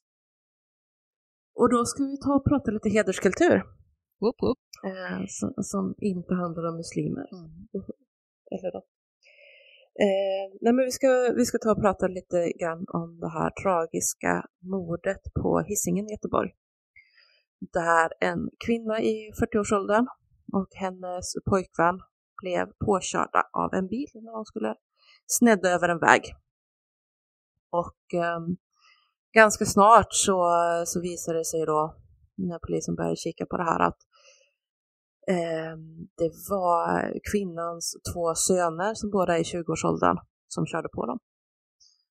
Och det var, ja, kommer vara väldigt svårt för dem att neka med tanke på att de filmade inifrån bilen efter att de hade kört på den här kvinnan, eller sin mamma då, och eh, hennes pojkvän.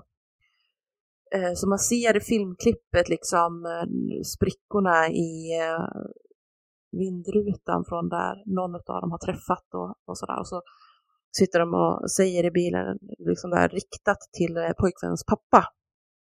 Um, typ att det här är vad som händer om man eh, inte lyder i, i, vår familj och du kan ju ta dig till sjukhuset och, och försöka besöka dem och se om de lever. För vi vet inte, det kanske de fortfarande gör.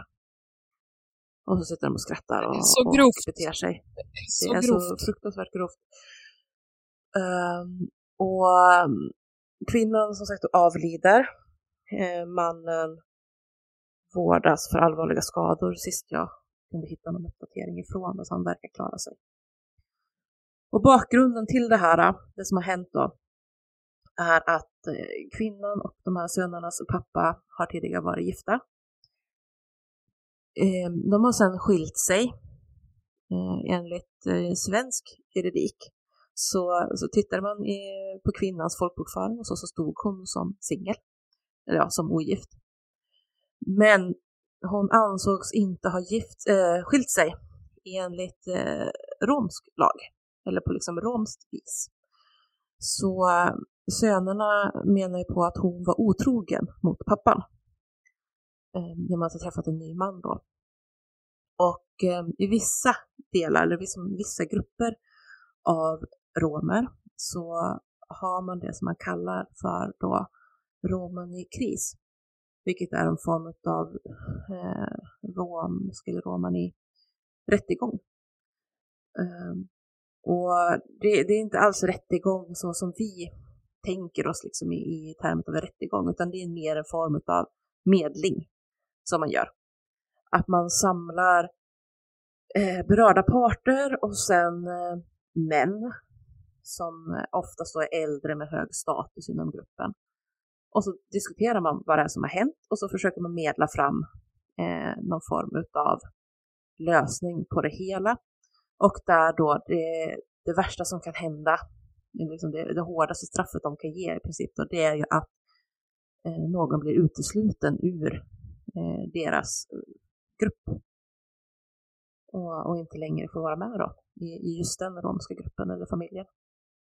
Och man skulle ha hållit ett flertal sådana här eh, krismöten eh, om mamman och den nya pojkvännen.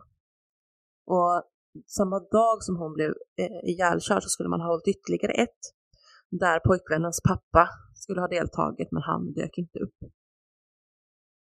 Och um, jag vet inte om den eh, om det står kvar. Men eh, man grep ju den ganska snabbt ändå, de två sönerna. Och man grep också deras eh, farföräldrar. Eh, det vill säga den mördade kvinnans exmans föräldrar. Mm. Eh, för att ha skyddat brottslingar. För att de försökte då att gömma de här två sönerna eh, undan från polisen och rättsväsendet.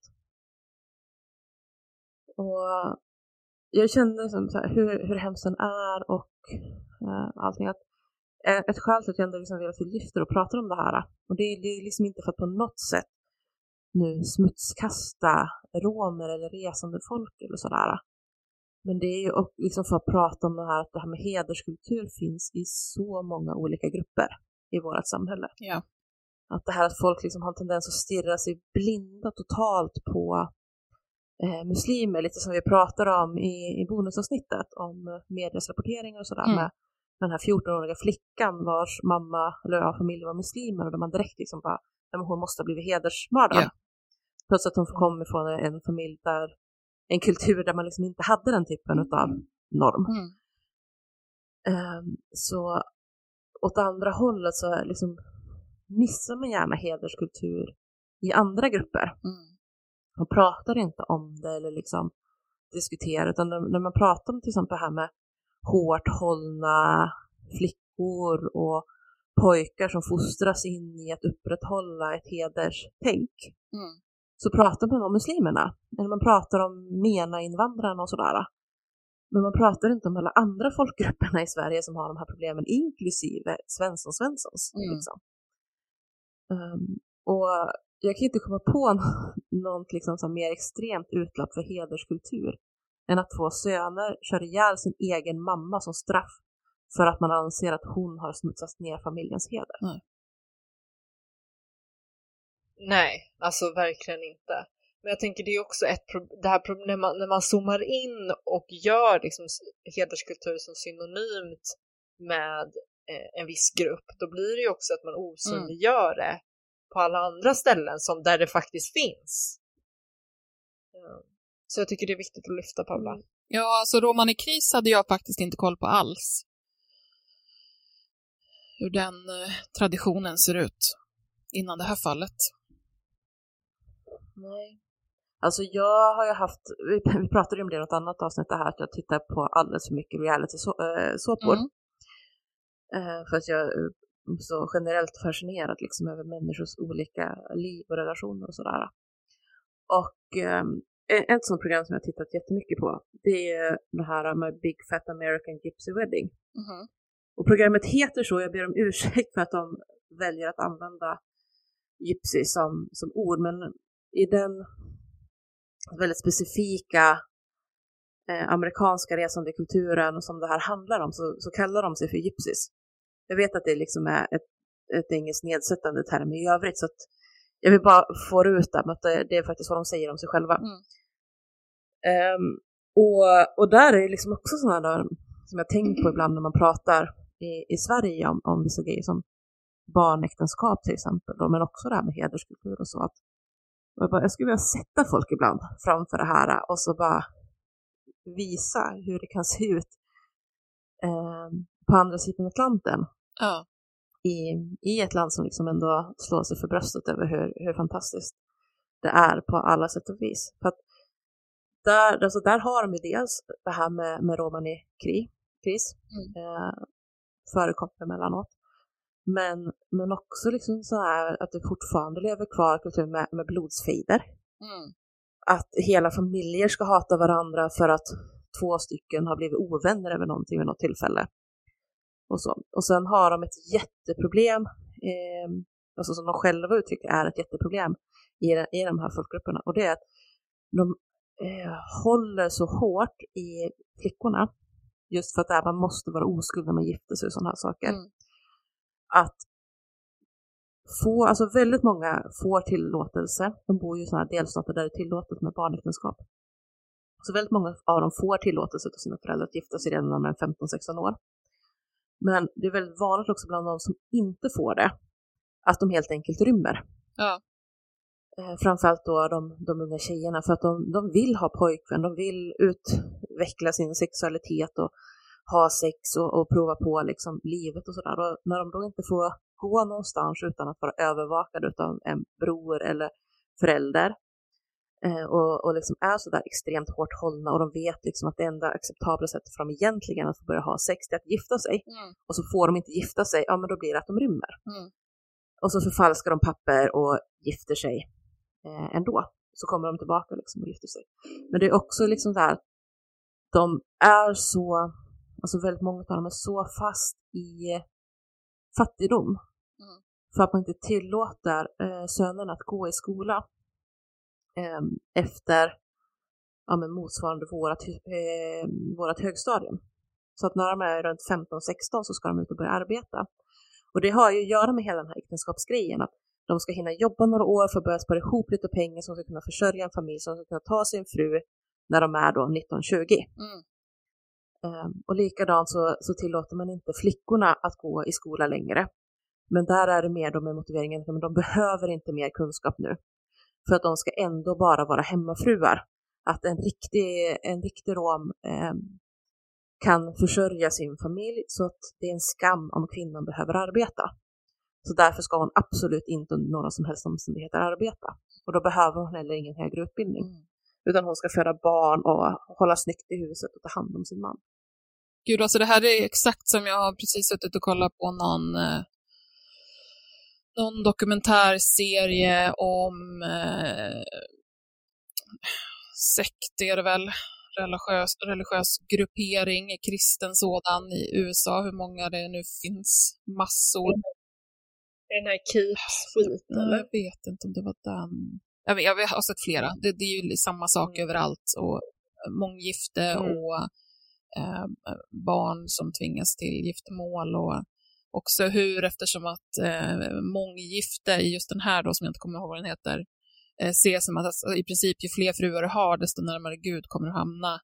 Eh, så, så blir det ju för många unga pojkar, i, de blir ju över liksom, eftersom att alla gubbar tar eh, flickebarnen och gifter sig med dem. Så de blir liksom utkastade från, från hela samhället och, eh, och gemenskapen och får klara sig själva. Och det låter en del Mm. som fundamentala mormonerna. Mm, ja men det är den här Keep, det är Ja. Keep Sweet. Ja, det är det. Det är det. Det är det, ja. Ja, visst är det, det är väl av de fundamentala mormonerna, så säger de som kallar sig för, för FLDI. Ja. Med Warren Jeffs som sektledare. De liksom flyttade också, tog över till ett samhälle liksom med Exakt, exakt. Ja, men det är de. Mm.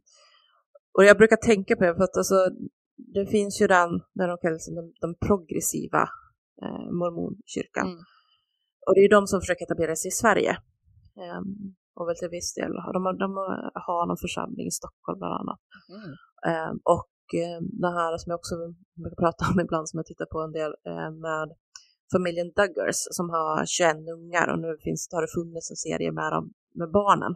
Eh, och hur de gått vidare i livet som vuxna och när de gifter sig och, och själva börjar skaffa jättemycket barn och sådär. Och de är också eh, från den här mer liksom liberala hormondelen. Och, är, och liberal ska här, liksom progressiv här, det ska ses i, i kontrast då till Warren Jeffs varianten utav mormonerna.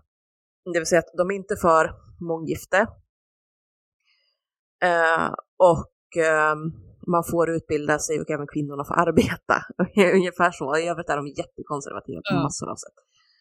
Eh, och även där väldigt mycket hederskultur, att eh, man får bara dejta om man har med sig chaperones och man får ju typ man får inte kyssas förrän man står på all, eh, vid altaret och gifter sig. Så första kyssen ska vara den man delar liksom när man säger att nu, ja, du får kyssa din brud. Men alltså jag tänker att, ja, så jag tänker precis det är ju, alltså jag skulle säga att det här med hederskultur egentligen är väldigt utbrett i det konservativa Mm, USA. Extremt. Just det här liksom, du ska inte ha ingen sex för äktenskap, du ska liksom bli överlämnad av eh, fadern till nästa, eh, till din man då som ska ta hand om Mm. dig. Alltså det här är ju, det här är ju business as Ja, usual. det i är USA. extremt. Och du, där du även har sådana här Ehm. purity balls och Mm. där du ingår ett form av skenäktenskap med din egen pappa för att visa att du är seriös med att du inte tänker ha någon annan man än honom fram till du gifter dig på riktigt och sådana saker. Det är Ja, och just det absurt. här att liksom, äckligt, äckligt. va? Ja, ja men alltså det är så bisarrt. Alltså, när, man, alltså det är, ja. Jag får sån så här bisarrt. äckel, äckel panik Men- ibland, så jag liksom lutar mig tillbaka så långt ifrån micken jag kan och Men- bara... Mm. Men just det här sex, alltså antisexfokuset är ju stort i många delar i Ja, USA. det Det, är här att liksom man ska absolut inte ha sex innan äk- äktenskap. Du som, som ungdom, du ska absolut inte ha sex. Det är liksom Och då, och då kommer jag det här, du, då är du förbrukad, eller du har gett bort Ja, det finaste ja. du har, bla bla bla. Och, Ja men att det är fint, alltså, det, alltså jag får ju total, alltså jag får ju panik när jag tänker på det. Att det här att oskulden är det finaste du har. Alltså vad är ens Mm. det? Det är inget, alltså ja, sen finns det finns ju någon sån mellanting också utav av mormoner, för jag vet att de här äh, TLC har ju någon, någon fabläs för just mormonkyrkan nu, så, så det finns ju också den här uh, Sister Wives och My Five Wives och Seeking Sister Mm. Wife-serierna. Ja, Och det är också mormoner som, som praktiserar månggifte men fortfarande är rimligare eh, i övrigt liksom att eh, ja, ja, även kvinnor får jobba och de får klä sig lite hur de vill och, och så vidare och så vidare. men var det någon sån där så, Så- var det, så var det liksom en man som dog och då fick hans bror liksom ärva hans fruar. Ja, det är Warren Jeffs. Mm. Ja, det kanske också är. Mm. Fast det var inte brodern, det var pappan som dog och han fick ärva pappans fruar. Det, är så, bisarrt, alltså jag orkar inte. Så, så, så att han, och han hade ju själv sett till att det skulle stå så i, i pappans testamente. Så att sista typ tre, fyra månader när pappans liv, för han var sjuk, så de visste ju att han snart skulle dö. Då såg han till att pappan gifte sig med typ så här 20 stycken eh, 14 till 17-åringar eller något sånt där som han sen fick ärva. Ja, men precis. Men, men sen var det också i, i något annat som jag hade sett, där de, där de var... Ja, De bara fördes över. Det ja var de bara liksom fördes som- över, de hade ju ingenting att säga till om. Kvinnor har ingen röst. Nej. Nej men ärvde som, som en möbel Ja. liksom. Jo Här- men här kommer du säger kan, det finns någon, som, någon till som där, där det är en bror.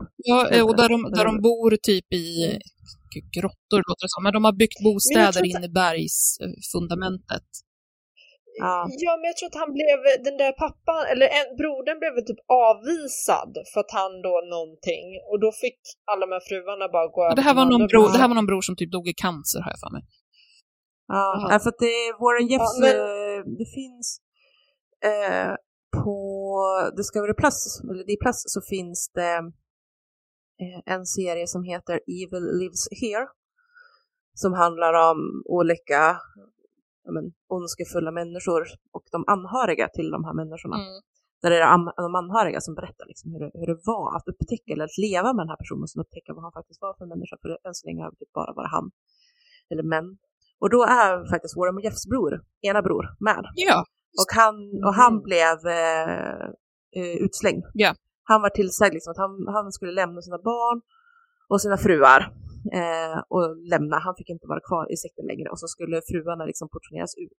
Så favoritfrun skulle ju Warren Jeff lägga beslag på. Alltså, Mm. så. Men de andra skulle också liksom portioneras ut och han visste ju typ att, de, att barnen säkert också skulle då, framförallt de döttrarna som var lite äldre skulle säkert bli tvungna tvingade att gifta sig och sådär. mm. Eh, Och när han försöker rädda barnen därifrån sen så, så tror de att, typ att han är Satan och vägrar följa med honom och sådär. Är jättehemskt. Vill man ha exempel på hedersförtryck så är Det- det, mm, är det skolboksexempel. Perfekt att kolla på. Ja, ja. Men det värsta är ju också att det här, den här sekten pågår, det är ju liksom, det, det fortsätter ju Mm. idag. För när jag såg det här på Netflix tänkte jag så, ja, men att det på något sätt tillhörde historien, Nej. men så var det ju inte. Det här är ju Nej, nej.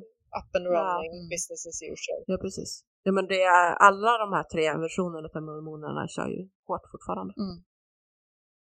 Jag tycker att alla är ganska så sektiga. Även den liksom friaste utav dem är lite lätt sektiga. Ja, ja. Inte lika, men fortfarande. Det finns ett fundament man där. lite så här, ja, det, det, man märker att det är liksom grejer där som ändå är och, och hela liksom det här hur de sluter sig samman och det är väldigt mycket hemskolor för barnen ska inte få skadliga influenser utifrån. Man gifter sig bara med typ grannbarnet som också är mormon som man har känt hela livet eller som föräldrarna känner varandra så de godkänner varandra som partners och så vidare. Och så vidare. Så det, Mm. ja, det, Hörrni, ska vi avsluta med att dra en liten puff inför eh, kommande bonusavsnitt då, där vi kommer eh, fortsätta på med, med Janken.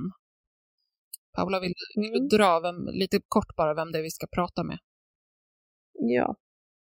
Vi ska så prata med Paulina Bengtsson och ehm, ja, både han och Jan och jag har ju nämnt lite grann det här och att Janken dömdes eh, 2005 till 14 års fängelse för en rad sexuella övergrepp och även där också då för koppleri bland annat och ehm, jag tror misshandel. Ja, det var, det var en jäkla massa saker i alla fall. Ehm, och då dömdes han eh, eh, för att jag har gjort de här sakerna mot två olika kvinnor. Varav då Paulina Bengtsson var den ena eh, utav de här två som gick upp i rätten mot honom. Och um, som jag har förstått det så var det den andra kvinnan som anmälde honom först. Och Paulina fick höra om det här och då anmälde hon också honom. för att hon inte skulle, den första inte skulle stå själv. De tänkte att det tog mod till sig så tyckte de att om vi är två så eh, är det förhoppningsvis då större sannolikhet att han åker fast. Eh, eller döms för det här för de kan, ja. Men det, även där så har det funnits fler eh, kvinnor som oberoende av varandra har berättat om vilken hemsk och vidrig människa den här jänken är. Eller, ja, oavsett vilket namn han nu har valt att gå under. Så, och efter det här så har Paulina Bengtsson skrivit en bok som kom ut 2020 tror jag det var. Och den boken heter då Utnyttjad, våldtagen och såld. En sann historia. Eh, se här nu. Jo, och den utkom 2020. Så jag hade någonting rätt. Eh, så där i den boken beskriver hon då hur hon egentligen kom att träffas, eh, hur, hur det var att lära känna honom. Eh, och den här spiralen då, onda spiralen in i koppleriet och ja, men allt, allt det som hände. Ja. Och en annan reaktion på det hela är att hon då grundade det som kommer att heta Novahuset, som då är en ideell förening slash ja, organisation som jobbar med att vara uppsökande men framförallt då stödjande mot unga i sexuell kommersiell exploatering, det vill säga framförallt unga kvinnor som säljer sex på olika sätt. Mm. Eh, för att stötta dem att komma ur det hela och få traumahjälp, hjälp med jurister, stöd och så vidare, allt vad man nu kan behöva eh, när man hamnat i, i sånt här. Ja. Ja, så henne ska vi prata med eh, i bonusavsnittet och vi kommer ha lite liknande upplägg som ett vanligt eh, avsnitt. Säga att Kajen kommer att prata med henne om eh, händelseförloppet. Och sen kommer Hanna prata om rättsprocessen och vägen fram till domen och hur den såg ut. Och sen kommer hon och jag att prata om då debatten efter och hur hon har kommit vidare och hur, ja, vad, vad som har hänt helt enkelt efter att domen eh, vann laga kraft och han åkte in. Ja, och jag kan tänka hur det, hur det känns och är för henne nu. Man kan ju bara föreställa sig med att, att se sin förövare gå, begå eh, samma brott eh, om och om igen. Mm. Eh, och som jag var inne på där i början av det här programmet så, ehm, så var ju Paulina också, hade kontakt med Anna och eh, vittnade också under rättegång för, för Mm. det här fallet. Det ska bli eh, otroligt intressant och givande och fint och tungt att prata med henne. Så är ni också intresserade av att lyssna på det så får ni väldigt gärna bli Patreons, för det kommer alltså i nästa Patreon-avsnitt. Eh, Mm. Jag sa fel i förra för då sa jag att jag skulle lägga för de som betalar mest. Och så de som har högsta tier. Men det, det, det kommer vara för alla. Det är att de på högsta kommer få det lite, lite före som vanligt. Mm. Men alla Patreons kommer få lyssna på den här eh, intervjun. Precis. Och att bli Patreons kostar som en latte, typ 40 kronor. Exakt. 40 kronor. Och då får man ju också, blir man Patreon så har man ju också tillgång till alla tidigare bonusavsnitt som har släppts. Så där börjar det fyllas på i vår katalog. Men eh, toppen! Tack för att ni har lyssnat. Tack Paula, tack Hanna för att ni är bäst. Och så eh, hörs vi nästa gång. Ja. Hej då. Det gör vi. Hej. Hej då!